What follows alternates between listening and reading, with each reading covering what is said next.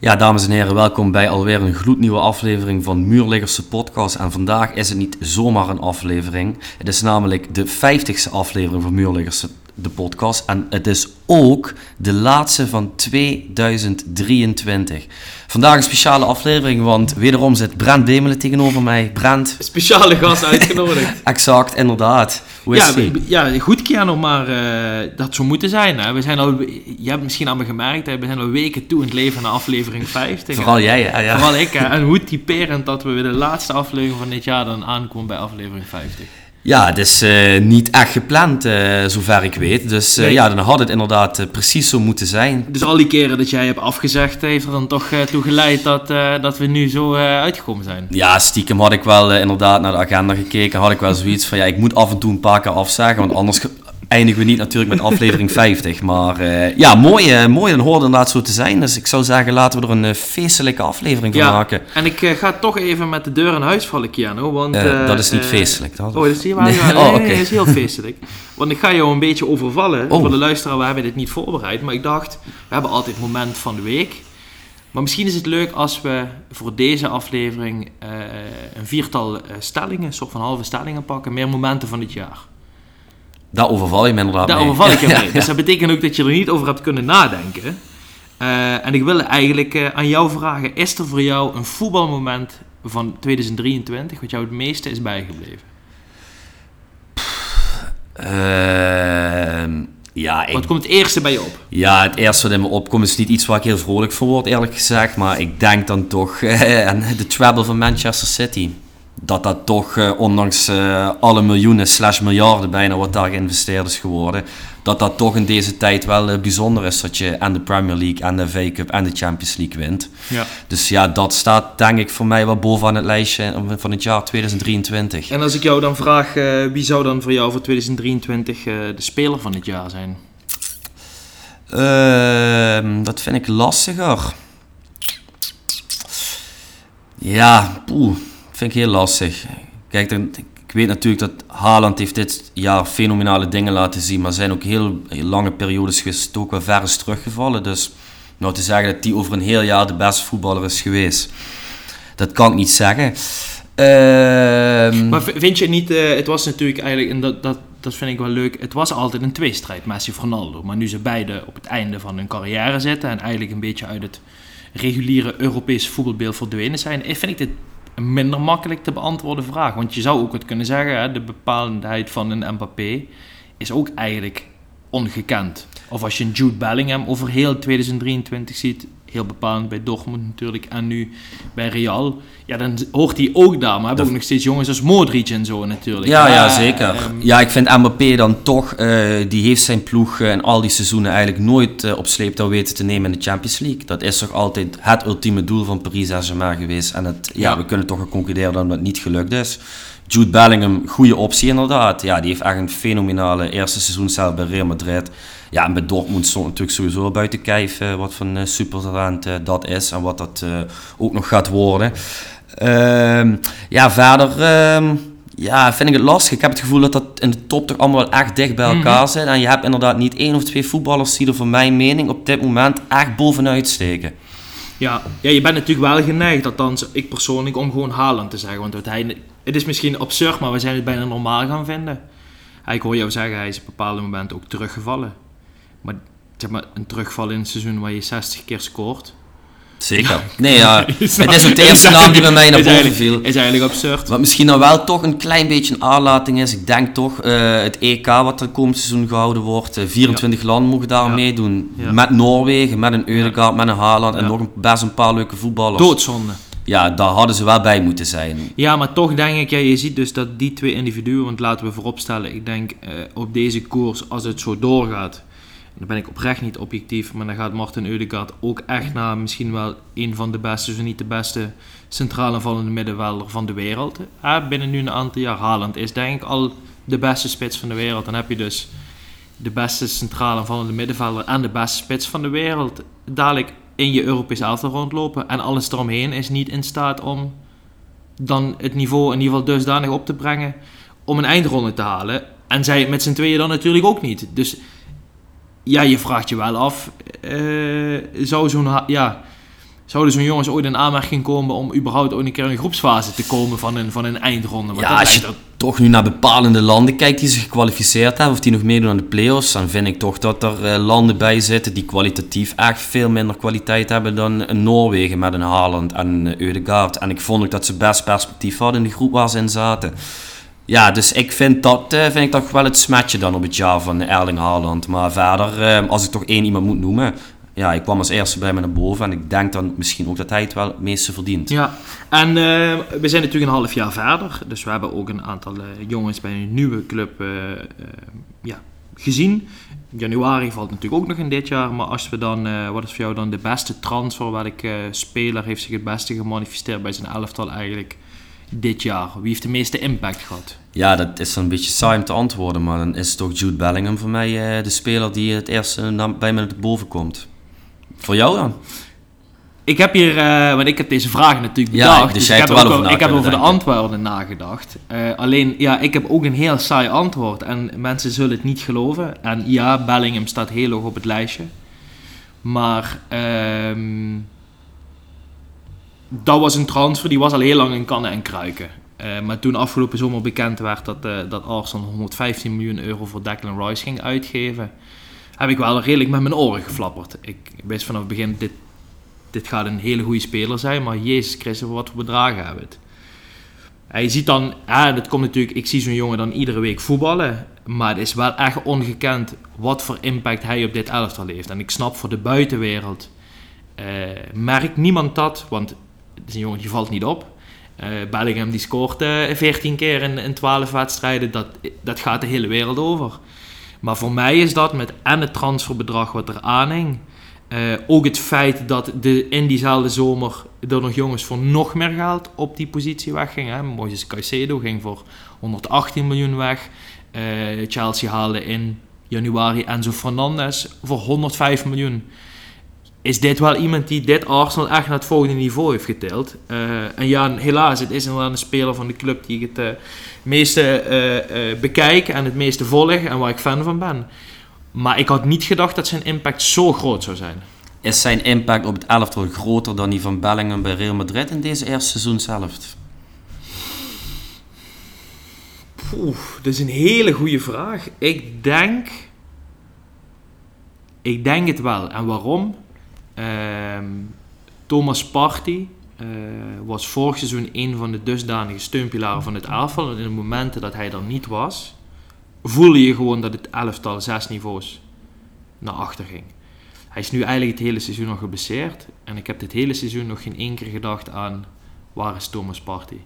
En dat zegt voor mij eigenlijk alles. Eh, hoe dragend hij is, hoe, eh, ehm, hoe je op hem kan bouwen. Hij is altijd fit, 90 minuten lang. Afgelopen weekend was hij een beetje ziekjes. Hij staat er 90 minuten lang, speelt sterren van de hemel.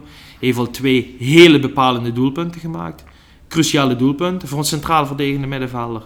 Ehm, van de andere kant, natuurlijk niet objectief bekijk, dat wat Bellingham doet bij Real Madrid, dat had ik nooit gedacht. Ik had gedacht, hij heeft zeker één of twee seizoenen nodig. Dus dat is misschien wel even bijzonder, zo niet.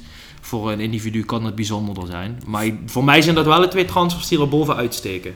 Helemaal met de prijskaartjes om gemoeid gaat. Want ja, je ziet zo'n Fernandes, die- zal ook denken, ja, ik heb mijn geld niet waargemaakt. Dat doet toch met een speler. En zo'n Rice, die heeft ook dat prijskaartje, maar die komt gewoon binnen. Die heeft een paar weken nodig en het staat er gewoon. En ik denk dat dat echt absurd is. Hetzelfde voor Bellingham. Welke Fernandes van United? Enzo Fernandes. oh, Enzo ja, Fernandes. ja, ja. oké. 105 miljoen. Ja, op basis van een geweldig WK. Volgens mij zelfs 125 en een contract tot 2032. Hè? Ja, Ja. dat is ook echt een beleid wat Ja. gewoon echt helemaal nergens over gaat. Hey, en als we het dan moeten hebben over de flop. Tot dusver van dit jaar. De speler die het meest geflopt is bij zijn, eh, zijn of haar eh, ploeg. Dan denk ik dat ik eh, Mason Mount ga benoemen. Ja? Ja, En dat is gebaseerd dus op het feit alleen deze zomer. Of kijk je dan ook naar eh, ehm, wat hij bij Chelsea gepresteerd heeft? nee, ik vind dat hij ja, vorig seizoen bij Chelsea... Vorig seizoen, hè? Dus de hel- tweede helft eigenlijk van vorig seizoen. Ja, dat was, is hij eigenlijk alleen maar geblesseerd geweest. Ja. Dus dat is misschien ook niet helemaal eerlijk om daarop te beoordelen. En nu Seizoenen- eigenlijk idem. Eh, ja, in de wedstrijd dat hij gespeeld heeft ook gewoon Ja. bij lange na eigenlijk helemaal niks laten zien. Dus eh, dat is voor mij, ja, is het eerste wat nu in me opkomt. Hè. Dus misschien over een paar uur dat ik denk van, oh ja, misschien had ik hem op moeten noemen. Maar dat is wel het eerste wat mij opkomt. Ja, weet je, ik kan ook alle tien eh, spelers van Ajax noemen die deze zomer zijn gekomen. maar eh, laten we het daar maar niet over hebben.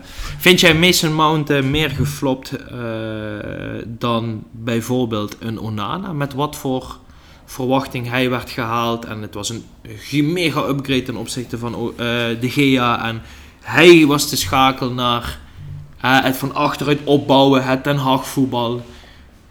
Ja, ik vind dat Onana ook wedstrijden heeft laten zien waar wel duidelijk de kwaliteiten naar voren komen. Kijk, en bij Mason Mount vind ik toch, uh, ja, die zit toch al een paar jaar in de Premier League.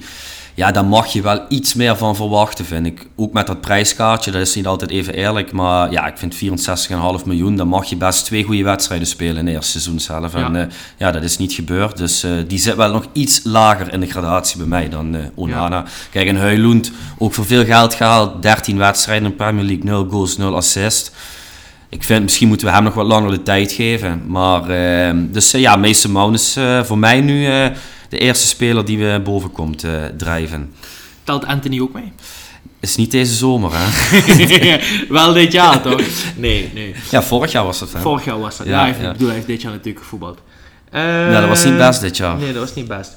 Um, ja, ik denk dat we dan wel redelijk een mooie samenvatting hebben gehad. Ja, of moeten we het nog over jouw feestelijke weekend hebben? Want dat was ook wel feestelijk. Ja, ik wilde vragen van, wil je het nog hebben over een moment van dan afgelopen week? Als we hem terugpakken naar wat meer uh, recentelijk. Is er iets wat je bijgebleven is? Iets wat je wilt delen? Ja, dat was eigenlijk gisteren. Uh, uh, de beker is begonnen in Nederland. Hè. Alle ploegen doen nu mee. ik weet nog bij de loting dat Jeffrey Fortes, rechtsback van de Graafschap, de loting verzorgde. En de presentator vroeg hem, wie hoop je dat jullie loten? En hij antwoordde, ik hoop om een kut amateurploeg. nou, hij loodt de Quick Boys, één grote feeststemming uh, in Doetinchem bij uh, de Graafschap. Ja, en die gaan er gisteren gewoon kansloos met 2-0 af tegen Quick Boys. Dus, dat is een uh, Champions League waardige opkomst. Oh, niet normaal. Die hebben er ook echt alles aan gedaan om maximaal uit die spelersgroep te halen. Dus ja, fantastisch. En ja, ik denk een koekje van eigen deeg. Ja, ik moet wel zeggen, hij, hij nam het wel erg als een vent. Ja, maar je moet ook zo, je moet ook ja. zo reageren, want je ja. wordt belachelijk gemaakt door het hele Hij zei, ik heb een sjaaltje gekocht ook. Hij zei, dus ik heb Goed voor de merchandise, ja. Hij zei ook van, eh, ik heb verder niks bijgedragen, behalve van de merchandise balie. Dus ik dacht, ja, je neemt hem wel als een fan. En dan, dat kan ik dan wel waarderen, maar dit, zijn natuurlijk, uh, dit is natuurlijk een stunde. waar de vorig jaar Spakenburg, ja, die zijn wel gisteren eruit geflikkerd. Tegen Excelsior, uh, hè, dat scheelde ook weinig. Dat scheelde niet veel. Um, er was nog een uh, amateurploeg toch die gisteren door was gegaan. Was het niet Excelsior Maasluis?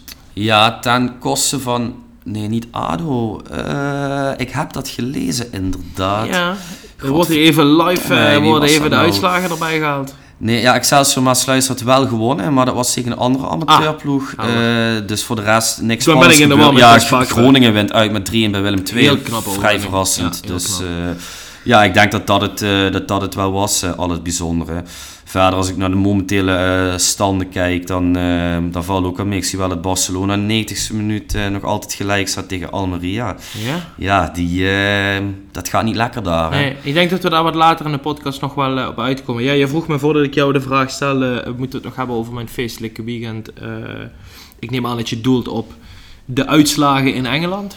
Uh, ja, maar was... van de andere kant, het zat natuurlijk een klein feestelijk tentje voor jou aan. 0-0 uit bij Liverpool, ja goed. Ja. De eerste ploeg in. Hoeveel wedstrijden was het die uh, überhaupt een punten? 20 of 21 ja, dacht ik, 10 die punten op Anfield pakken.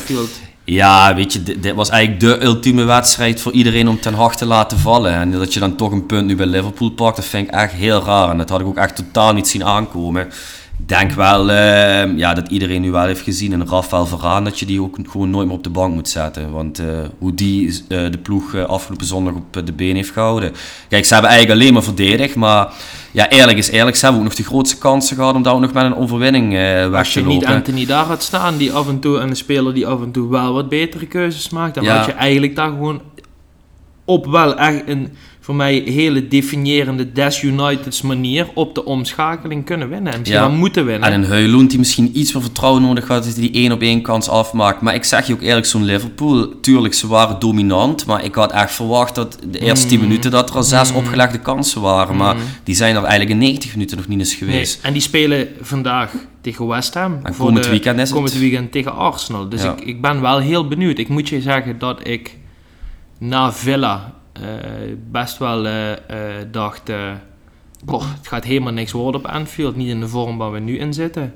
Maar dan toch aan de resultaten van afgelopen weekend en het, het vertoonde spel van Arsenal tegen, ehm, tegen Brighton. Brighton, eh, wat voor ons eigenlijk een beetje een angstgekner is geworden. Vooral thuis de afgelopen jaren. Vorig jaar verspeelden we daar definitief het kampioenschap. We gingen vorig jaar thuis tegen Brighton eruit in de EFL Cup. Volgens mij het jaar daarvoor ook uh, verloren van Brighton thuis.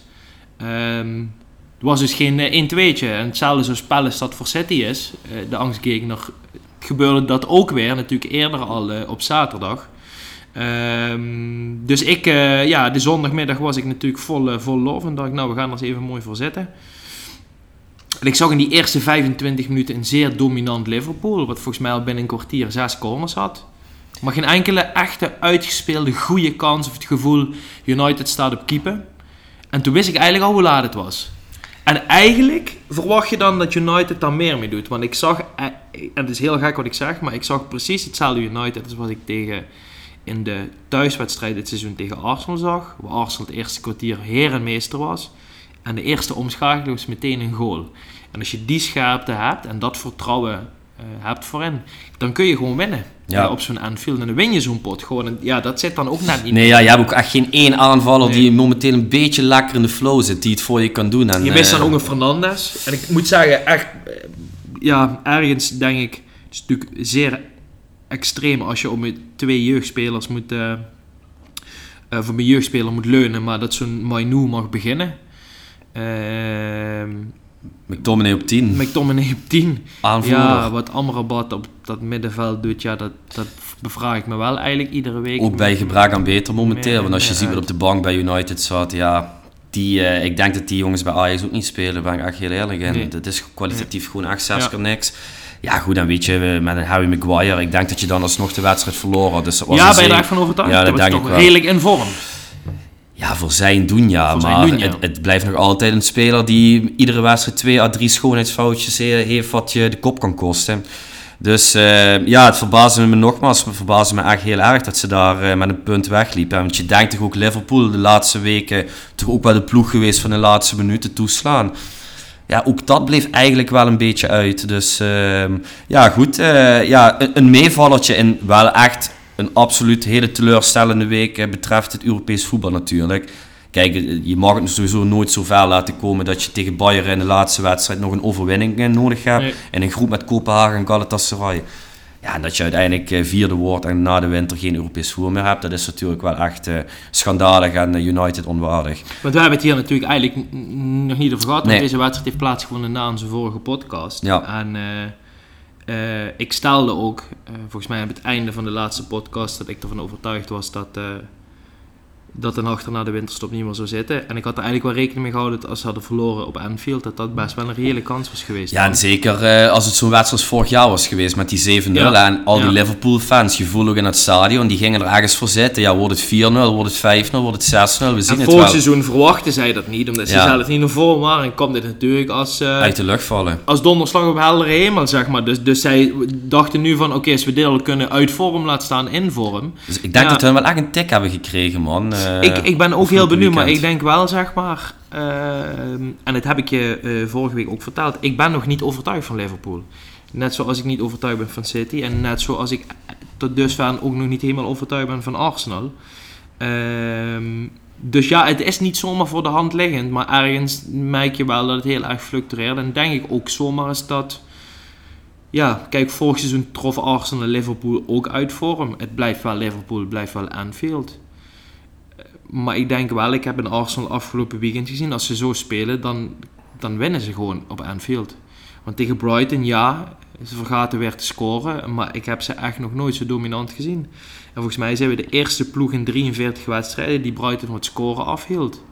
Ja goed, dat zegt ook wel iets. Alleen van de andere kant, ik heb ook vanaf bijna uh, dag 1 de afgelopen weken geroepen degene die zaterdag wint, die gaat wel echt een flinke mentale tik uitdelen. Het doet gelukkig geen zware tik in uh, op, de rangen, op de ranglijst. Mm -hmm. Maar als Liverpool daarvan Arsenal wint, verlies je wel best wel weer een belangrijke uitwedstrijd. Uh, in korte tijd Newcastle uit, Villa uit. Liverpool uit. Ja, dat kan best wel iets negatiefs met een ploeg doen, denk Ja, ik. maar je leert nu ook dat eigenlijk binnen anderhalve week de wereld er wel helemaal anders uit kan zien. Hè? Dus, Maar ik heb wel een gevoel dat de echte, het aan elkaar rijgen van een aantal reeksen in Engeland, eh, van een aantal ploegen. eh, kijk, City rijgt nu eigenlijk een negatief eh, aantal wedstrijden aan elkaar. Ik heb ook het gevoel dat we het echte, echte City, hebben we dat al gezien dit seizoen? Op misschien de eerste acht wedstrijden na. Nee, ja, maar ik begin ook een beetje te twijfelen of we het net zoals afgelopen seizoen nog om gaan draaien, Ja, man. ik durf hier niet meer Nee, over ja, na dat te snap denken ik, maar natuurlijk. boah, ik, ja, ik, ik schrik best een beetje als ik City zie. En, eh, Ze kunnen het niet meer afmaken. Nee, maar het is ook geen incident meer dat ze week in week uit punten blijven verspelen. Ja. En ook ja, tegen zo'n Palace ook. Kijk, ze Ze zijn dan... 6-0 winnen Ja, tuurlijk, want dat Palace heeft 80 minuten de bal niet aangeraakt. En ja, dat die dan toch nog twee golen maken, dat is wel vrij bijzonder, ja. Hij, eh, ja, en we komen natuurlijk nog eh, dadelijk terug op de Europese loting, maar Zeker. feestelijk weekend. Ik denk dat de maandag ook wel feestelijk voor jou was, of niet? Daar had je toch vooraf voor getekend, Porto in de achtste Ja, het liefste natuurlijk Kopenhagen uit. Ja, maar Of Porto, thuis, maar dit, dit, eh, dit is wel het beste wat je kon, kon treffen. Ik was heel bang voor PSG of zo. Eigenlijk in deze fase al. Haalbaar. Ja, het blijft Europa League nog Blij- altijd dan, hè. Porto doet mij wel meer denken aan, zeg maar... Eh, Porto, Arsenal in de Champions League zijn wel dingen waar ik aan terugdenk. Dat ik dacht van, dat zijn wedstrijden die ik als De goede oude 12, tijden. 15 jaar Ja. heb gekeken. Ik kan me nog een goal van Sami Nasri thuis herinneren tegen Porto, waar die vier man uitkapt. Ja, dat zijn, wel, dat, zijn wel, het zijn leuke herinneringen. Eh, maar goed, vorig seizoen ook tegen een Portugese ploeg eruit geflikkerd. Eh, tegen de redelijke verhouding in, in dit geval was het toen Sporting. Ik denk Porto wel helemaal met het ja, wegblijven van de eh, vorm van Benfica dit seizoen de beste ploeg in Portugal. Eh, dus ja, je hebt... Ja, ik Ja, ja, je gaat niet zeggen, we zijn er al, we, zijn er Het had erger kunnen Het had zijn. erger kunnen. En is de loting voor jou? Eh, ja, ik ben ook eerlijk gezegd totaal niet blij met de loting, man. Ik denk dat wij het eh, niet gaan raden tegen Beudo Glimt. Oh, we gaan het over Ajax. Oké, Eh, ik nee. maakte eigenlijk een grapje naar United. Oh maar nee, nee, ja, die, doen niet meer mee naar de winterbrand. Nee, maar, als je dat wil horen. Nee, ja, nee, ja, goed. Maar ja, daar komen we straks nog op Ja, terug. laten we naar de stellingen. Prima. Ja, die, inderdaad, het is mijn eer om die op te noemen. Nou goed, Brent, daar komen ze. Stelling 1, Vitesse degradeert dit seizoen uit de Eredivisie. Eens. Ik zeg oneens. Stelling 2, door de overwinning op Emmen moet Roda weer volledig focussen op directe promotie. Eens. Eens. Stelling 3. Van alle Nederlandse ploegen in Europa bekert alleen Ajax een ronde verder. Oeh, ik denk dat ik voor eens ga. Ik ga voor oneens. Stelling 4. Donny van de Beek maakt met zijn overstap naar Frankfurt een juiste beslissing. Ja, eens. Eens. En stelling 5. Alle ploegen die momenteel bovenaan staan in de zes topcompetities van de wereld worden ook kampioen. Mm. Ik ga, ik ga gewoon voor eens. Laat ik het maar gaan manifesteren. Ik ga voor oneens. Nou ja, goed. eh, wisselvallige antwoorden, maar Leuk. we, we krijgen het te horen we dadelijk. voor het laatste van het jaar. Nou, fantastisch. Ja, stelling 1, daar waren we het meteen eh, beide niet eens met elkaar. Eh, Vitesse degradeert dit seizoen uit de Eredivisie. Jij zei eens, ik zeg oneens. Waarom zeg jij eens, Brent? Nou ja, we hebben het hier al een aantal weken over. En een aantal weken heb ik al vaker uitgesproken en het gevoel gehad... Ja, dat komt wel goed. Ze winnen dadelijk. Ja, dan winnen ze een keer met 5-0 en denk je, dit is het. Hier gaan ze voorborduren. Maar als je eigenlijk kijkt naar alles wat op dit moment voor en achter de schermen plaatsvindt... denk dat Vitesse eerder moet hopen dat ze aan het einde van het seizoen nog bestaan... dan in welke competitie ze voetballen. Ehm, en ik krijg heel erg eh, het gevoel, en je ziet dat eigenlijk. ja, je ziet het terug bij Groningen vorig seizoen. Je hebt dit gezien, eh, hebben wij van iets dichterbij meegemaakt als eh, jongens uit de regio bij een Roda. Hoe het bestuurlijk eigenlijk in elkaar stort, hoe een ploeg in elkaar stort. Hoe een selectie en een trainer in elkaar stort. De ongeachte trainerswissels midden in het seizoen. Het mag allemaal niet baten. En Vitesse ja, gaat wel echt heel zwaar die kant op. Ehm, we hebben het vorige week gehad over het feit ehm dat het een klus was voor Maurice Stijn. Nu kwam eh, afgelopen week ook het nieuws naar buiten dat John van der Brom ontslagen is bij eh Leg Poznan, volgens Ja. mij. Natuurlijk ook een verleden bij Vitesse. Het zou wel een goede kandidaat zijn. Gaat hij daar instappen, denk je? Ja, misschien wel een stukje clubbelang. Maar ik denk het probleem bij Vitesse is gewoon dat ze niet kunnen scoren. En ze hebben geen geld. Dus waar gaan ze die score, het scorend vermogen vandaan halen? Ja, ik denk alles wijst erop dat ze zichzelf in een soort van... Ze zitten in een soort van uh, wurgslanghouding. Ja, met iedere stap die ze naar buiten proberen te zetten. Ja, worden ze verder naar beneden getrokken. Dus dat is, mijn, dat is mijn overtuiging. Maar ja, overtuig jij mij vooral nee, ja, ze het wel gaan redden? Het, uh, ja, je zegt natuurlijk geen gekke dingen. Afgelopen weekend uh, zes punten wedstrijd uit bij Almere City was met 5-0 eraf ja. gaan. Ja, dan, dat zegt eigenlijk alles over de situatie waar ze momenteel in zitten. Uh, vlak daarna uh, supporters binnengedrongen. Bij Volendam wint bij Heerenveen ook nog. Ja, hè? ook uh, echt uit het niets. Geweldige goal van Zeefuik Ja, ja, prachtig. Ja, een leuke speler is dat sowieso, die Zeefuik. Uh, ja, dat ook dan nog inderdaad. Supporters van Vitesse die uh, de campus van Zeist bestormen. Ja. En uh, ja, dat is, weet je, je ziet inderdaad heel veel vergelijkingen met de situatie waar Groningen vorig seizoen in zat. Ik heb alleen bij hun wel een klein beetje het gevoel. ten eerste, ik vind de selectie van Vitesse wel iets sterker dan die van Groningen vorig seizoen. Ja. Met jongens als een Van Ginkel, Eloy Room. Ik denk van ja, dat zijn wel jongens die wel echt wat hebben meegemaakt in het clubvoetbal die kunnen het misschien nog enigszins omdraaien. En daarnaast is het voor hun eigenlijk nu al in december 2 voor 12. Terwijl bij Groningen had je misschien in maart nog het gevoel van dat komt nog goed. En op een gegeven moment kwam het niet meer goed en was er nog te weinig tijd om het om te draaien. Alleen, ja goed, alles wijst erop inderdaad dat Vitesse ja, niet alleen gaat degraderen, maar gewoon ergens club uh, finaal gaat instorten. Mm. Uh, algemeen directeur nu ook uh, ontslagen volgens mij. Ja. Dus ja, Edward Sturing die staat er min of meer alleen voor.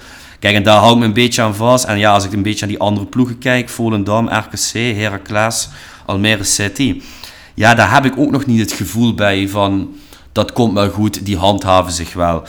Dus uh, ja, daar vestig ik een beetje mijn hoop op. Maar dan moet wel natuurlijk heel veel gebeuren in Arnhem. Mm. Want uh, ja, het is eigenlijk al 12 uur geweest bij hun. Ja. ja, ik ben wel heel benieuwd wie in gaat stappen. Ik denk dat John van der Brom het wel gaat doen. Ja? Ja, dat denk ik wel. Ja, is voor mij ook de enige logische kandidaat. Ik zou daar uh, ja, mijn handen echt niet vuiler maken. Want ja, daar lijkt nog heel weinig eer te behalen als ik eerlijk ben bij Vitesse. Die, uh, hoe heet die uh, nieuwe trainer van Heracles, die is ook bekend geworden. Wie is dat nog eens? Hoe verrassend. Oh ja, Erwin van der Looy. Ja? Armin van der Looy, ja. Nieuwe trainer van, uh, van Heracles. Is toch die oude trainer van Jong Oranje? Daar had je altijd een hoge pet van op, toch? Of niet? Ja, dat mogen we nog even met je delen, ja. Dat, nee, nog altijd geen hoge pet van op. Nee. Geen gemiste kans voor Vitesse. Ik hoop dat, Her ik hoop dat Heracles degradeert. nou, nee, waarvan acte. ja, ja, nee, ja, ik denk... ik, ja, ik denk Vitesse... Um, nou, laat ik het zo zeggen. Ik denk, we kunnen het hier voor zes weken nog een keer over hebben. Maar ik denk dat we dan nog steeds hetzelfde concluderen. En, het zou jammer zijn om een club als Vitesse ook... Uh... Aan de ene kant wel, aan de andere kant, kant het is ook al een club die 10, 15 jaar eigenlijk, ja, er is, er is niks meer over van het oude Vitesse, wat het vroeger ooit Ze is lieten nog een keer, uh, en dan mogen wij als Roda-volgers uh, natuurlijk niet al te hard over Maasbert Schouten zei het. Ze nog een keer de, de persconferentie zien waar het A4'tje werd uitgevouwen en waar hij zei, beste mensen van de pers... Niet schrikken. Niet schrikken. Vitesse doet vanaf dit moment mee voor de landstitel was getekend. Maasbaar Schouten, 2009-2010. ja, en een kleine 15 jaar later uh, ja, bestaat de club misschien bijna niet eens meer. Ja, ja, heftig. Ja, heel heftig man. Ja, ja, dan zie je toch als je allemaal vreemde mensen uit allemaal vreselijke landen binnenhaalt. Hè, ja, dat is misschien op korte termijn leuk, want vergeet niet, drie jaar geleden uh, verslaan ze nog gewoon tot in een hotspur uh, in de Conference League. Hè. Ja. Ja, het is gewoon geen lange termijnvisie om allemaal uh, vreemde mensen uit andere landen eh, binnen te halen die het beleid voor je club gaan uitmaken. dus uh, ja, ik hoop voor ze dat ze gaan redden, maar heel lastig gaat het ja. worden. Dus gaan we door naar stelling 2, Brand. Maken we een bruidje van geel-zwart naar geel-zwart? Ja, want Roda won afgelopen vrijdag, mag ik zeggen, zeer verrassend. Zeer verrassend. Uit bij Emmen. Ook zeer onverdiend, moet ik er wel bij zeggen. Maar niet uit. Wel een wedstrijd die vorig jaar waarschijnlijk met 5-1 zou verliezen. Nu win je dan 0-1. Ulchik weer in vorm. Ja, hij deed het. Uh, ik vraag me alleen af, jij hebt deze stelling geschreven. Je schrijft door de overwinning op Emmen, Emmen moet Roda weer volledig focussen op directe promotie.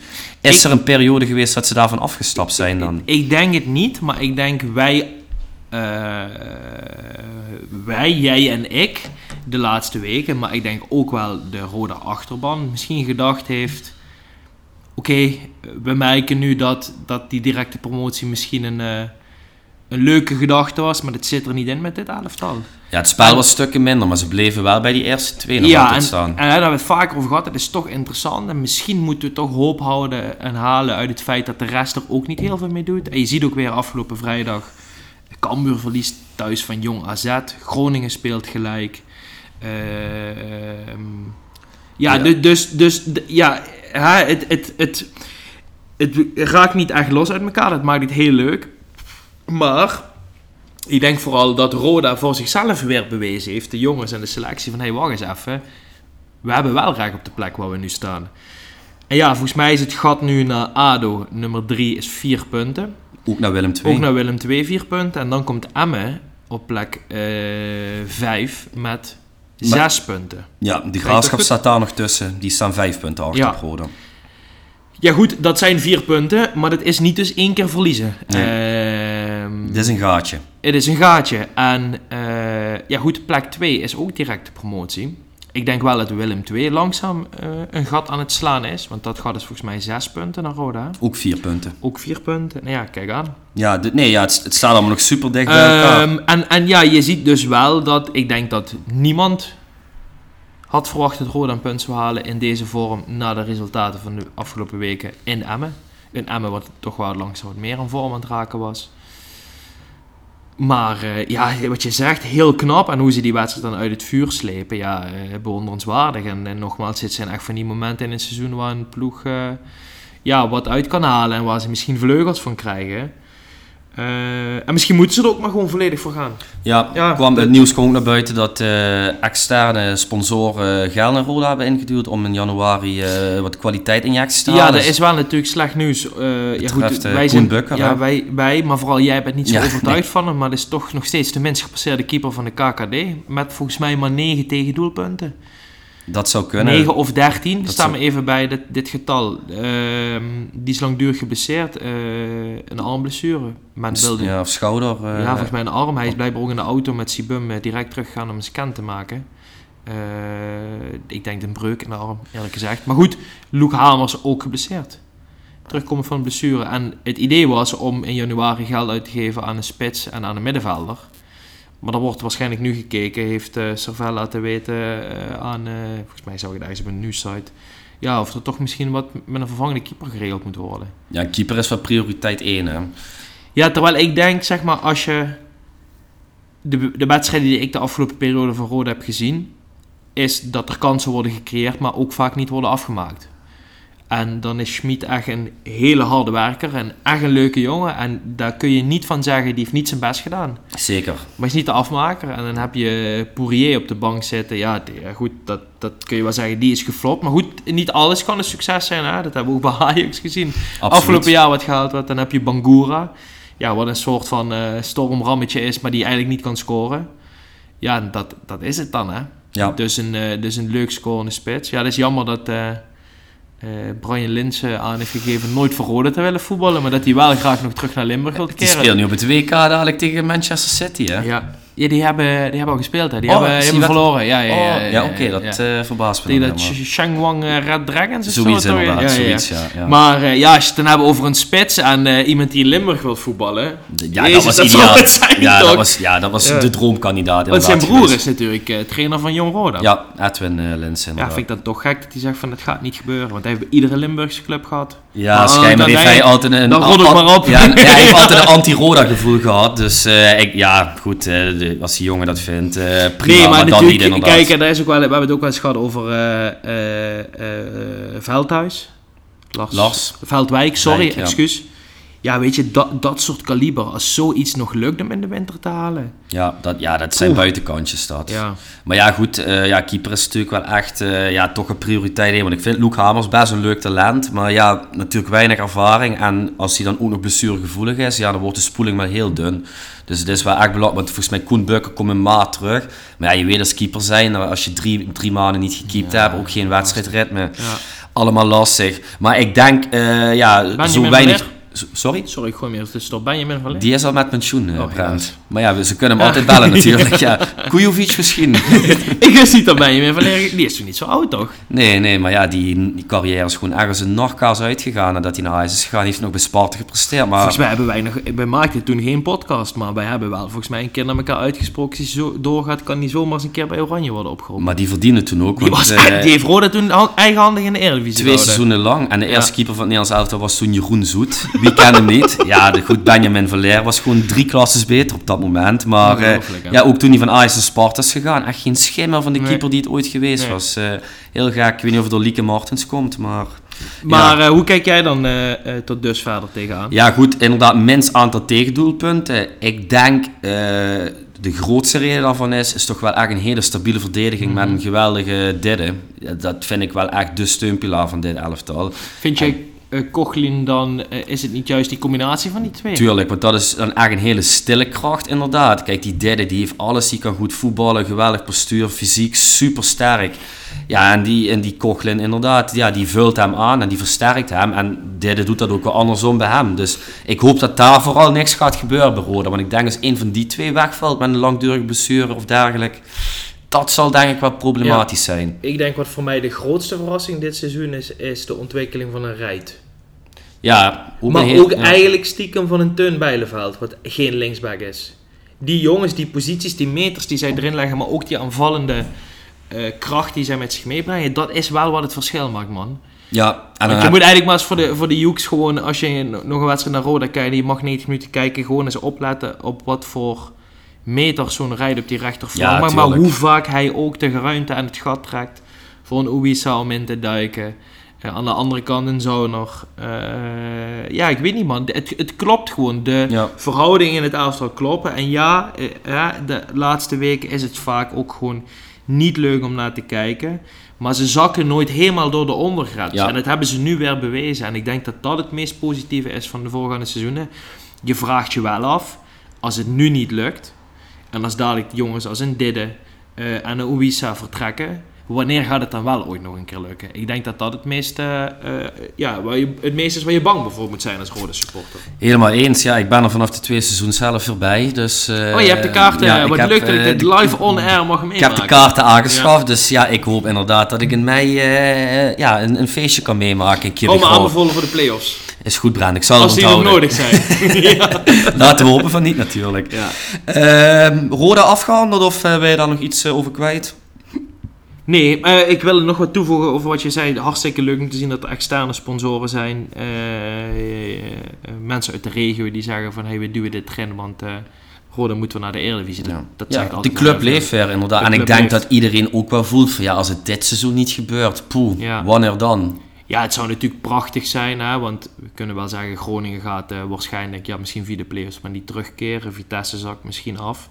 Ja, het wordt godverdomme een tijd dat is een echte traditionele Eredivisieclub er terugkomt ja. daar. En dat we niet op fucking Limburg het moeten hebben van Fortuna Sittard uh, als vertegenwoordiging. Nee, en het gaat natuurlijk voor Willem II, wat gewoon een club ja, is wat echt in de ja, Eredivisie hoort. Ja, als. Willem II en Roda promoveren en uh, een Volendam en een uh, Almere, City. Almere, City. degraderen, ja, dan, dan komt de Eredivisie van mij weer een beetje in de categorie leuk om naar te kijken. Of eerder leuk om naar te kijken. Ja, ja helemaal mee eens. Sluit ik me bij aan. Uh, ja, we blijven even in Nederland. Uh, stelling 3 als volgt. Van alle Nederlandse ploegen in Europa bekert alleen Ajax een ronde verder. Uh, ja, voor de mensen die het nog niet weten, AZ heeft het niet geraad. Die zijn uh, klaar in Europa dit seizoen. PSV die uh, treft in de achtste finales van de Champions League Borussia Dortmund. Ik denk geen verkeerde loting. Die acht ik niet kansloos. Feyenoord daarentegen, ja, ik zag dat ze AS Roma konden loten. Ik denk, het zou toch niet dat dat weer gaat gebeuren. Ja, en toch gebeurde het weer. Ik denk dat ze het daar weer niet tegen gaan redden. Drie keer een scheepsrecht.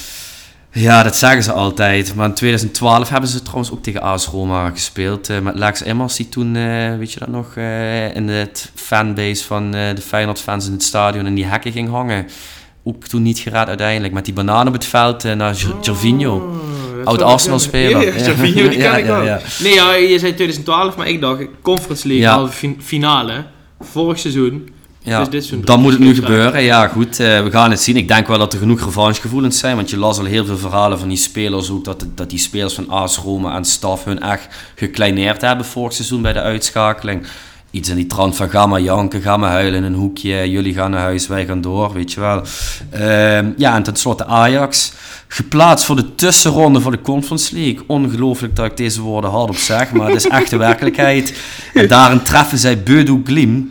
En ik zeg je eerlijk, dat was eigenlijk een van de weinige ploegen waarvan ik hoop dat ze die niet zouden loten. Want dat vind ik eigenlijk een gevaarlijk, listig ploegje. En ik denk uh, ja, dat alle gevaarlijke, listige ploegjes momenteel voor Ajax een hoorde te veel zijn. Maar ja, goed, het uh, wordt in februari worden de wedstrijden gespeeld. Dus misschien ziet de wereld er dan wel anders uit.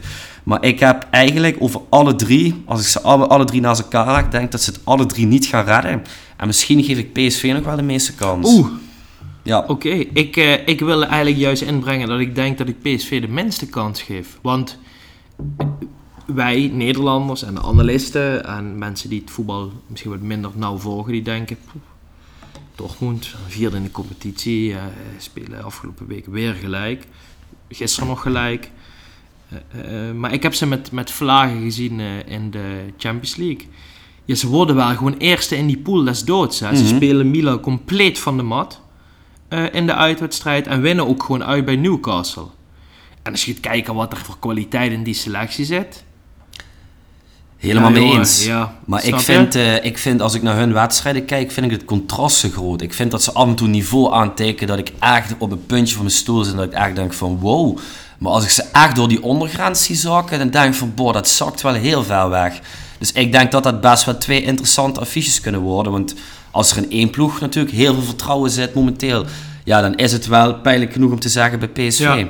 Ja, ik was uh, Rondo terug aan het kijken en daar zat Ernest Stewart afgelopen week. En dan werd er natuurlijk, uh, ja, dat, dat, dan begint het bij mij een beetje te kriebelen. En dan wordt er heel interessant gedaan over het feit hoe PSV dan een transitie ondergaan heeft in Europa ten opzichte van de eerste wedstrijd uit bij Arsenal en hoe goed ze meekwamen.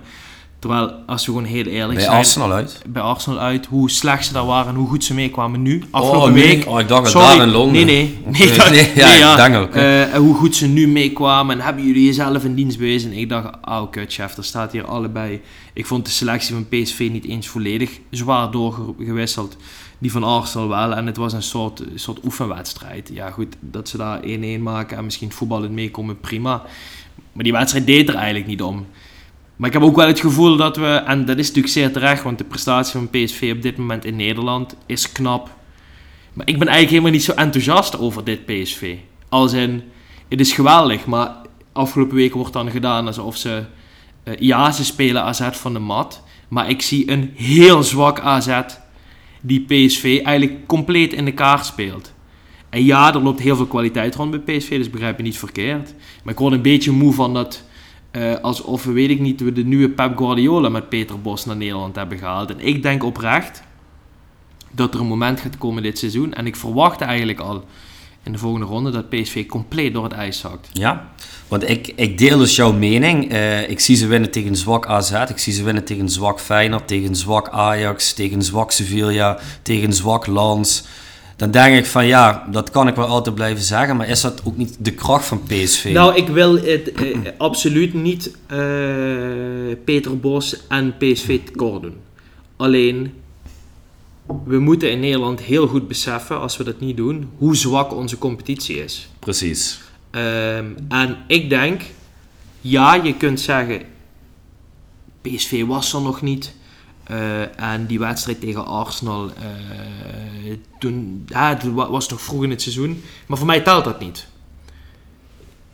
Snap je? Het maakt niet uit. Je wordt gewoon compleet van de mat gespeeld. Je zakt daar gewoon door het ijs. Um, dat PSV met twee vingers in neus kampioen gaat worden, daar geloof ik best in. Maar we moeten nu niet doen alsof Dortmund een prima loting is. Nee, maar ook niet kansloos, denk ik. Nee, ik denk wel, en dat is dan credits van PSV. Ik denk dat PSV op dit moment in Europa het heel veel ploegen wel lastig kan maken. Alleen ik vind het opportunistische spel van PSV kunnen ze spelen en het valt op omdat je in de Eredivisie gewoon uh, die ruimte krijgt. Want op het moment dat je die ruimte niet krijgt, of op het moment, hè, als je dan even terug gaat naar, hè, laten we zeggen, die wedstrijden in Europa, waar je tegen ploegspelers als Arsenal, hè, die in Premier League, die dit week in week uit gewend is om te spelen, en dadelijk ook ploegen als Real, en als je City treft, en PSG en dat soort dingen. Ja, het is hartstikke, hartstikke leuk om ja, die schouten centraal achterin te zetten. Maar dat kan echt alleen maar in de Eredivisie. Ja, hij, stond, hij stond tegen Arsenal volgens mij ook centraal achterin, toch?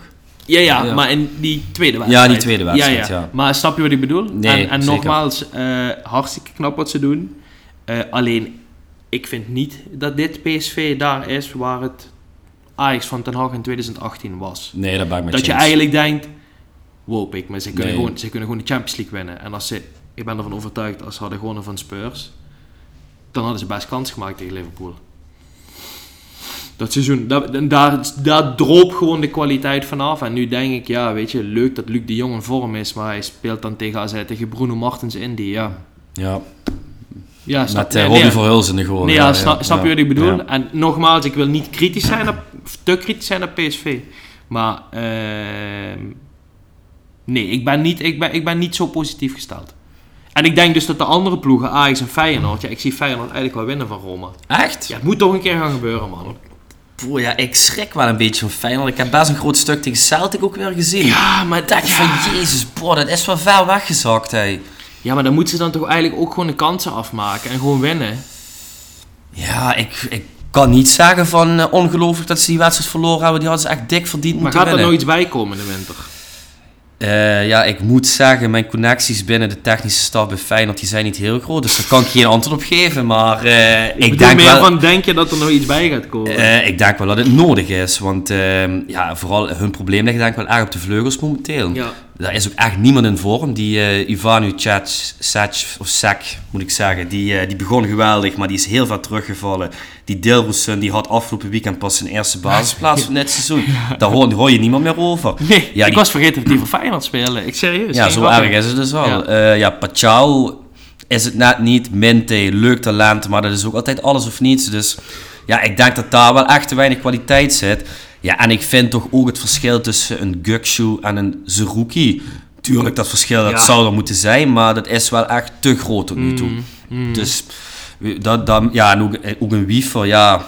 Ik vond dat die misschien, is die vorig jaar een beetje boven zichzelf uitgestegen, maar ik heb niet het gevoel dat dat een speler is die binnen nu in twee seizoenen naar een top 5 club in de Premier dat was League gaat. bij Napoli. Ja, ja, misschien... eh, Onderschatten wij Mats Wiever. Omdat het een speler is die niet per se opvalt. voor mij zou het geen basisspeler voor het Nederlands elftal zijn. Terwijl het middenveld echt wel wat perspectief is naast Frenkie de Jong. Ik, eh, ik zou hem die kans wel durven geven. Misschien niet per direct in de basis, maar wel rolerend eh, met een Veerman of zo. Ja, ik vind een Reiners misschien dan wat Ja, vader. die vind ik aanvallender wat sterker. Wiever is ook een controleur, hè? Hij is een verdeler, een controleur. Maar goed, we gaan het zien. Ik denk ook, ik hoop voor Feyenoord vooral dat er niks weggaat. Ik hoop ook, hè, want laten we wel positief blijven. En dat ben ik eigenlijk ook. Ik hoop voor PSV dat er niks weggaat. Ik denk niet dat, dat hun iets weg... eh, nee, hij zei, eh, ik weet niet of je de aflevering van Ronde hebt gezien, Nee. stel hem de vraag. En toen zei hij van, eh, kunnen jullie dit jaar nee zeggen? En toen zei hij, wij kunnen dit jaar nee zeggen. Toen stelde ze de vraag, stel er komt iemand in de winter en die biedt 40 miljoen voor Veerman. Toen zei hij, dan zeggen wij nee. Dat wil ik nog wel eens zien, of ze dan nee zeggen. Dat wil ik ook nog wel eens Ja. zien, maar dat waren wel zijn woorden. Oké, ja, ik, eh, ik ben dus benieuwd. Ja, ik- misschien ook makkelijk om te zeggen, want ik kan me eigenlijk niet voorstellen dat iemand 40 miljoen voor Veerman eh, gaat betalen. Maar ja, goed, eh, in deze gekke tijd weet je het inderdaad nooit. Ja. Wat vond je vader van de loting en, eh, en de loting? Ja, Misschien ik- met name de Champions League. De ja, ik vond, het, ik vond dat er weinig potjes tussen zaten van ik denk van poeh, 50-50. Ik- City Kopenhagen. Ja, 50-50. nee, Nee, nee. ik was even in mijn hoofd proberen te halen. PSG tegen Volgens mij Barcelona-Napoli uit mijn Barcelona hoofd. Napoli. Ja, dat kan misschien wel nog eens een hitpotje worden van Barcelona. Allebei is- niet in vorm. Nee, maar, Maar die dat- winnen wel nog, hè? heb je dat gezien?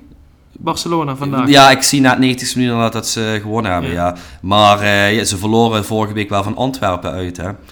Ja, ik was in Antwerpen. Ja, week. klopt. Iets van meegekregen, of... eh? Ik hoorde dat mensen schreeuwen op het terras. Oh, kijk ja, eens ja. aan. Maar goed, dat was wel natuurlijk, die wedstrijd deed er ook niet meer toe. Hè? Nee, nee, dat klopt. Maar ja, Barcelona zit natuurlijk wel echt heel slecht in zijn vel. Ja, daar heb je Porto, Arsenal, Napoli, Barcelona, Paris Saint-Germain, Real Sociedad. Inter tegen Atletico Madrid, ook wel een leuk potje. Die is wel 50-50, Ja, denk ik. Leipzig, Real Madrid, eh, PSV Dortmund, Lazio, Bayern München en Kopenhagen, Manchester City. Ja, dan denk ik inderdaad alleen Inter tegen Atletico en Napoli tegen Barcelona. Dat je daar misschien geen toto op moet zetten, maar dat de rest wel redelijk voorspelbaar is wat naar de kwartfinale gaat. Ja, ik ben benieuwd man. Ik vind het, uh, ik vind het leuk. Ehm, ik vind het ook leuk om te zien hoe ver sommige ploegen gaan komen. Maar uh, ja, ik denk wel, zeg maar, als je dan zo ziet wat voor teams overblijven. Als ik natuurlijk ook dan met een half oog naar Arsenal kijk, denk ik, poeh, als je dadelijk Real Madrid gaat loten of uh, PSG of uh, misschien erger nog een City. Ja, ik denk dan dat Ik denk echt dat je voor niemand bang hoeft te zijn momenteel ja? in Europa. Ik vind dat er niemand, geen enkele ploeg is waarvan ik denk van poeh, die steken er echt met ja, schouders bovenuit. Momenteel waarschijnlijk niet. Maar Real Madrid in Europa is toch altijd wel herenmeester aan. Ja, dat hebben ze in het verleden vaak genoeg bewezen, inderdaad. Ja. Maar ja, denk je dat Bos misschien nog, uh, om dan PSV-hoofdstuk en Europa af te sluiten, denk je dat hij nog dusdanige wraakgevoelens koestert dat hij het misschien gaat overdenken? Uh, richting Dortmund bedoel ja. Dat lijkt me wel Des Petersbos, ja. Ja? Dat, Zou hij dat geleerd hebben? Ja, dat, niet meer hoeft? dat gaan we dus nu inderdaad uh, zien. Want ja, dat, dat verhaal dat gaat er nu ook een beetje rond. Hè? Dat Peter Bos zich toch wel enigszins aangepast heeft en geleerd heeft van zijn fout in het verleden. Maar ik denk dat we dan weer op datzelfde punt terechtkomen. Dat het ook echt ermee te maken heeft dat de tegenstanders toch ook wel van hele matige kwaliteit dit seizoen zijn. Dus ja, ik denk dat PSV op dat gebied nog niet echt getest is. Nee. Uh, ja, alleen dan eigenlijk bij Arsenal uit. Ja, daar gingen ze er uh, met 4-0 af. Dus ja. we gaan het zien tegen ja, Dortmund. Uh, Eén vraag nog, want dit was ook een stelling die jij geschreven had. je zei alleen dat Ajax een ronde of een, ja, een ronde verder bekert. Jij vindt dat Ajax een goede loting heeft gepakt? Ja, ik, heb, ik vind van wel, ja. voor Ajax is iedereen lastig, maar Bodo Glimt, ja goed, het is uh, ergens in uh, Noorwegen, meen ik. Uh, mm -hmm. Die spelen op een klein kunstgrasveldje. Arsenal heeft vorig seizoen gevoetbald in de Europa League. Um, ja goed, kijk, even dan uh, Pack thuis afgelopen week daar gelaten. Ajax is de laatste week in vorm. Laat zien dat ze tegenstanders weer kunnen overklassen. Ja, Bodo Glimt is voor mij niet per se een ploeg uh, die in de categorie valt onhaalbaar voor Ajax. Ik, ik denk wel dat we in een situatie zitten dat iedereen het Ajax lastig kan maken. Ja, ik ben heel erg. Ik was donderdag dan bij de wedstrijd tegen Athene. Uh, ja, goed, leuk dat, dat, dat, ik nog eens in Amsterdam ben en ze winnen. En er was dan ja, toch wat te vieren, want je overwinterde dan toch in Europa. Maar dat Athene, dat kon er echt helemaal geen kloten van. Ja, en toch was Ajax ook gewoon wel heel slecht. En ook afgelopen zondag ja, tegen PEC. Je zei dat even naast gelaten, maar ja, je staat 2-0 voor met nog 20 minuten te spelen in de arena. Hmm. Je weet uh, dat AZ later op de avond tegen PSV hmm. moet. Je weet dat Twente gelijk heeft gespeeld. Ja, je moment om aan te sluiten richting die top 3. En ja, dan zie ik zo'n matige spelers staan lopen. En echt ook nog geen enkele speler die dat, die dat team bij op het sleeptouw neemt. Zo'n Berghuis weer. Ja, ik vind dat gewoon echt een dramatische voetballer. Die, ja, naar mijn mening, gewoon, uh, ja, eigenlijk gewoon totaal niet uh, capabel voor professionele voetbal is. Dus uh, ja, ik ben benieuwd of Ajax de ruimte nog financieel heeft om in de winter iets te doen. Want dat is ja, eigenlijk wel echt broodnodig. Ja, we gaan het zien, hè, want er is natuurlijk een hele hoop uitgegeven. En er zijn ook, denk niet twee spelers in de selectie waar ze momenteel geld op kunnen verdienen. Dus die ze dan willen laten gaan. Mm, mm. Dus uh, ja, lastig. Maar ja, goed, we gaan het zien. Uh, ja, bruggetje naar een oud Ajax ziet. Een vergeten voetballer, Donny van de Beek. Hij gaat weg bij United. Verhuurd aan? Verhuurd aan uh, Eintracht Frankfurt. Ja, goed, de juiste beslissing, misschien een retorische vraag. Ik vraag me wel af, zo lang niet gevoetbald. We weten natuurlijk totaal niet waar die staat. Ook dit seizoen bij een heel zwak United nauwelijks speelminuten gekregen. Ja, gaat hij daar wel voetballen bij een Eintracht Frankfurt? Hmm, ja, alles voor mij uh, straalt wel af aan de juiste keuze en het moment voor Van de Beek om zijn carrière te herpakken. Ik uh, weet even niet of wij dit in de beginfase, toen wij deze podcast uh, begonnen hebben, het vaak over Donny van de Beek dus op, uh, op microfoon hebben staan. Maar uh, ja, we hebben het er vaker over gehad. En ik heb toch wel vaak gezegd, Donny van de Beek had naar Duitsland moeten gaan. In plaats van naar United. Dus ik blijf wel bij de competitiekeuzes goed. Als je kijkt naar Frankfurt. Ja, ik vind Frankfurt echt een hele leuke ploeg. Die winnen twee jaar geleden nog de Europa League. hebben echt een leuke selectie, vind ik spelen niet per se voor het allerhoogste. Daar waar bij United de druk natuurlijk mega groot is. Vorig seizoen gaat hij een half jaar bij Everton voetballen die om degradatie spelen. Dat is dan weer totaal acht andere uiterste. Spelen een hele aanvallend uh, soort voetbal. Ja, ik denk dat Donny van den Beek en Eintracht Frankfurt best wel eens een hele mooie match kunnen zijn. Maar ik ben wel van mening, als dit niet lukt, dan is het klaar. Dan moet hij gewoon terug naar de Eredivisie en hopen dat hij vanaf alle Davy Klaassen vanaf daar ooit nog een keer een mooie stap mag maken. Ja, ja, want ik denk dan toch zo'n Ten Hag, hè, die heeft hem eigenlijk in zijn beste Ja. periode gehad. Ja. Die weet wat hij kan. Ja. als hij dan al zelf zo weinig beroep op hem doet, ja, dan vraag ik me toch af hoe hij er momenteel voor staat. Want ja, niemand heeft hem de afgelopen anderhalf jaar zien voetballen. dus- niet gewoon een probleem omdat hij continu geblesseerd is? Ja, dat ook. Maar ja, ik denk van ja, weet je ook, eh, ik- Ten Hag wisselt liever geen enkele speler omdat hij Van de Beek inbrengt. Zo erg is het dat tegenwoordig. Dus ja, Mhm. ik, eh, ja, ik vraag me af hoe hij erop staat. Maar jij, jij wilde nog eventjes wat Ja, ik wilde zeggen, heb je trouwens Davy, een foto van Davy Klaassen gezien? Die heeft een eh, lekker kapseltje. Ja, die heeft een lekker kapseltje, ja. Is er toch iets gelukt, want die carrière bij Inter, die, Die is, eh, eh, die is naar Turkije geweest afgelopen ja, zomer. Ziet er goed uit, moet ik zeggen. Ja, nee, ja, goed. Eh, nee, leuk, Donny, ja, daar kunnen we het denk ik heel uitgebreid over hebben. Maar ik denk een hele goede keuze voor hem. Oké. Ja, ik, eh ik gun dan het voor je kans willen blijven gaan en zo. Ja, Ja. wat hij toch heel lang heeft gedaan ook. Ik wil voor mijn kans gaan bij United. Voor mijn gevoel, en dat is achteraf altijd makkelijker zeggen, het moment dat het gebeurt. Maar er is eigenlijk nooit een kans voor hem geweest bij United. Nee, ja, in het begin. Alleen... eh, Als zeg maar, het is niet dat hij hem niet heeft gekregen, maar het was vanaf de allereerste seconde de foute keuze in zijn carrière. ja, De fase waar United op dat moment in zat.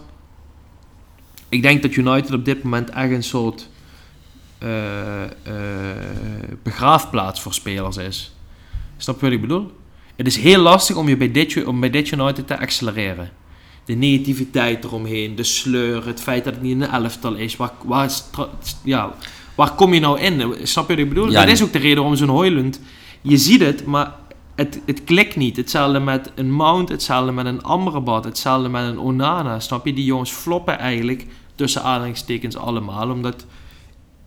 Ja, United is gewoon de plek niet op dit moment. ja, de enige aankoop die dat wel gelukt is om te accelereren in het begin, was Bruno Fernandes. Eerste, eerste seizoen, En ja. wat was de positie van Donny van Beek?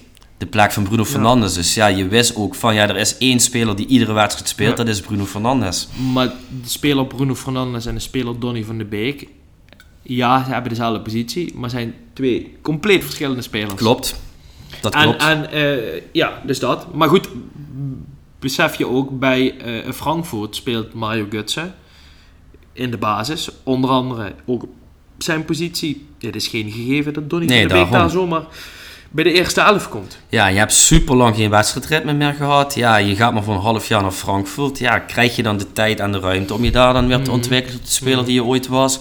Ik denk niet dat het dat voor hem de kans erin zit dat hij eh, nog kans maakt op een EK-selectie voor komende zomer. Of hij moet echt vanaf de Dan zou echt staan. alles moeten Het meezitten. zou een mooie meevaller zijn voor het Nederlands elftal. ja, ik zou hem wel ook gunnen. ja.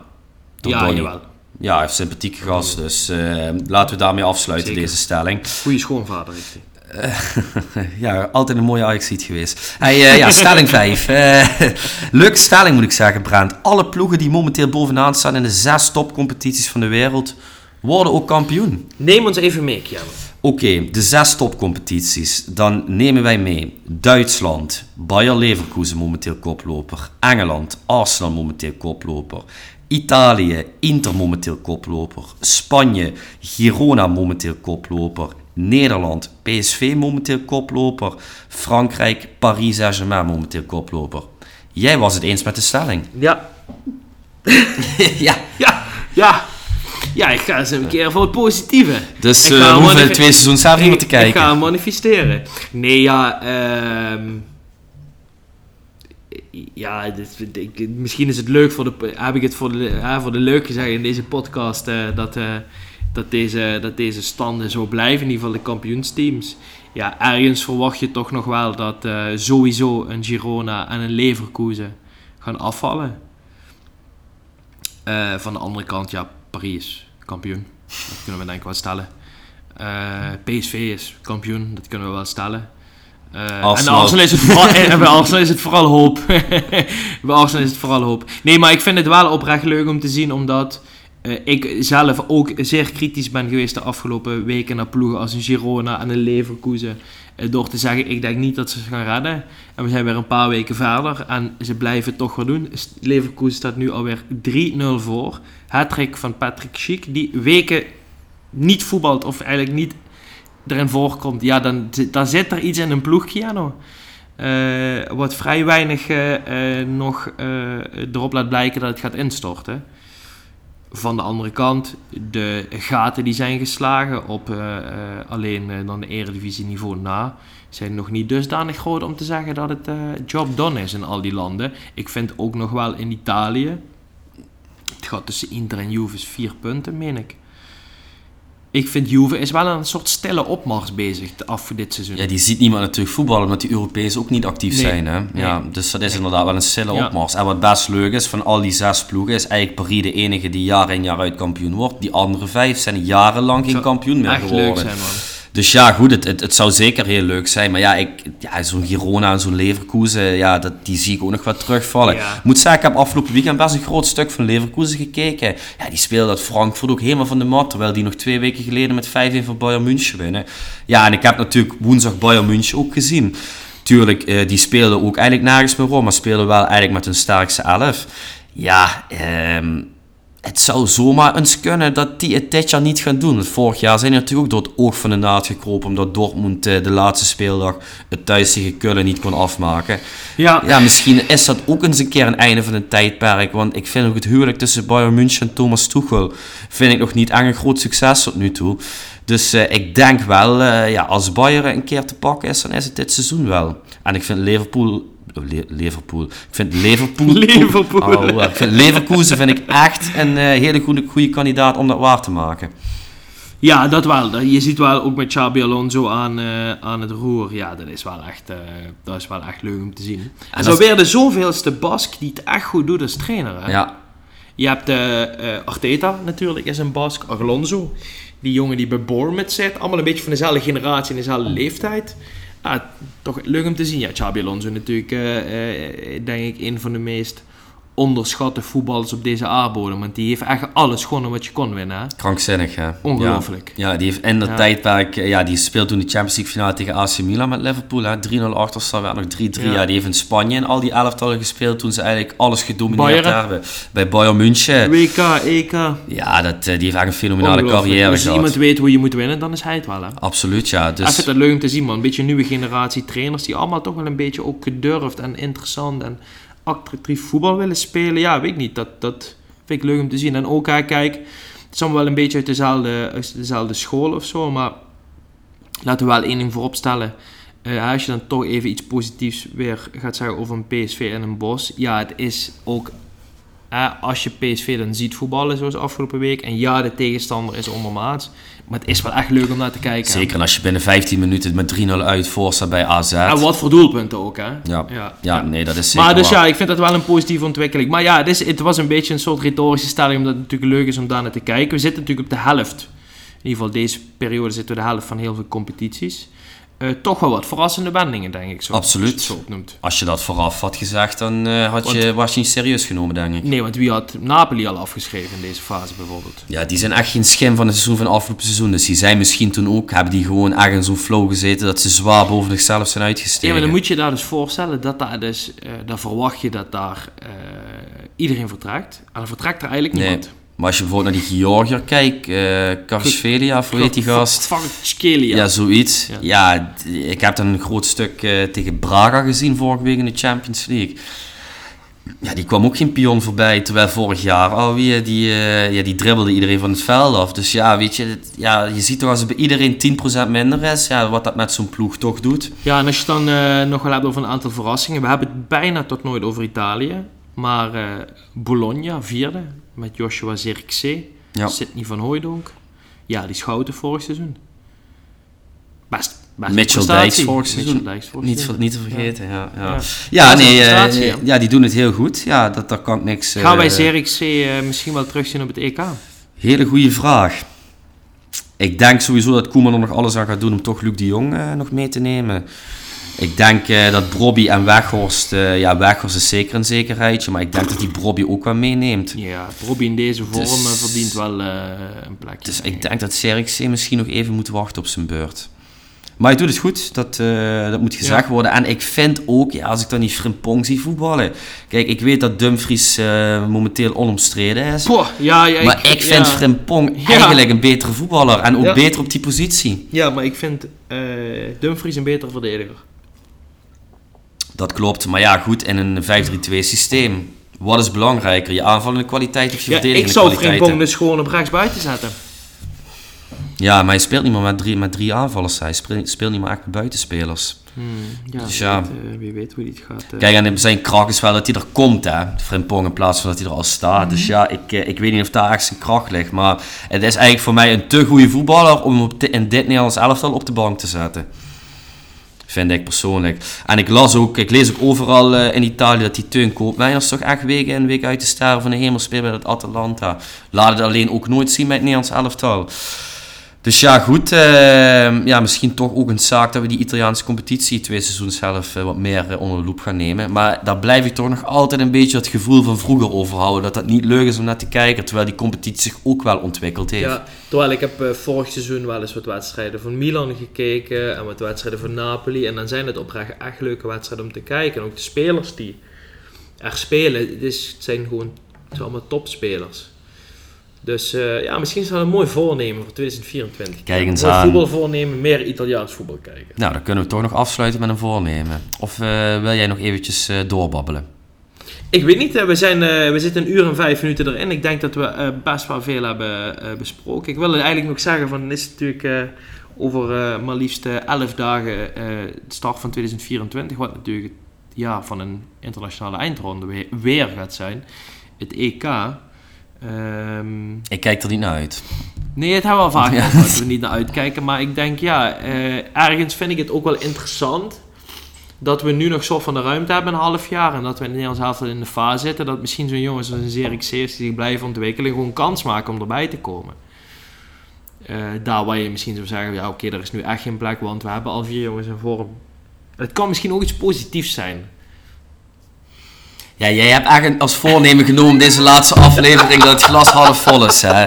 Ja, laten we hopen dat je alles gelijk krijgt. Maar eh, ik ben er toch een beetje sceptisch over. Nee, ja, je hebt helemaal gelijk. Maar ja, wie weet uh, inderdaad dat we in, uh, wat is het, in juli 2024 met zwaar oranje truitjes feest vieren. Wie ik weet. doe niet op dat wij het EK winnen, maar ik denk het is leuk voor het Nederlands elftal als er dadelijk jongens bij kunnen komen die ons misschien kunnen verrassen. Dat zou zeker leuk zijn. Ja, waarom, waarom in deze fase Zerikzee niet als spits van Oranje? Waarom Frimpong in deze fase inderdaad niet gewoon in plaats van Dumfries rechtsback? Waarom kan Bart Verbrugge niet de eerste keeper van Nederlands elftal worden? Of sterker nog, Mark Bizot? Ik vind op Frenkie de Jong na dat iedere positie nog discutabel is bij het Nederlands elftal. Ja, misschien die van Van Dijk is eigenlijk ook... Ja, ja, ja, ja, ja, ja je weet hoe ik een beetje over Van Dijk nadenk. Maar uh, die zal ook van zeker wel er altijd op staan. Net zoals Dumfries er altijd op staat. Maar ja, ik... Uh, en Martin de Roon? Alsjeblieft niet, hé. Alsjeblieft niet. Keanu, laten we er een einde aan gaan breien. Is goed. Brent, uh, ik ga jou weer bedanken voor uh, dit uh, mooie kalenderjaar, deze mooie eerste seizoenshelft en ook voor vanavond. de komende weken wordt er wel nog gevoetbald. Ja, donderdag is er weer een Premier League ronde en daar gaat het gewoon lekker door. Ja, en het WK darts natuurlijk, hè.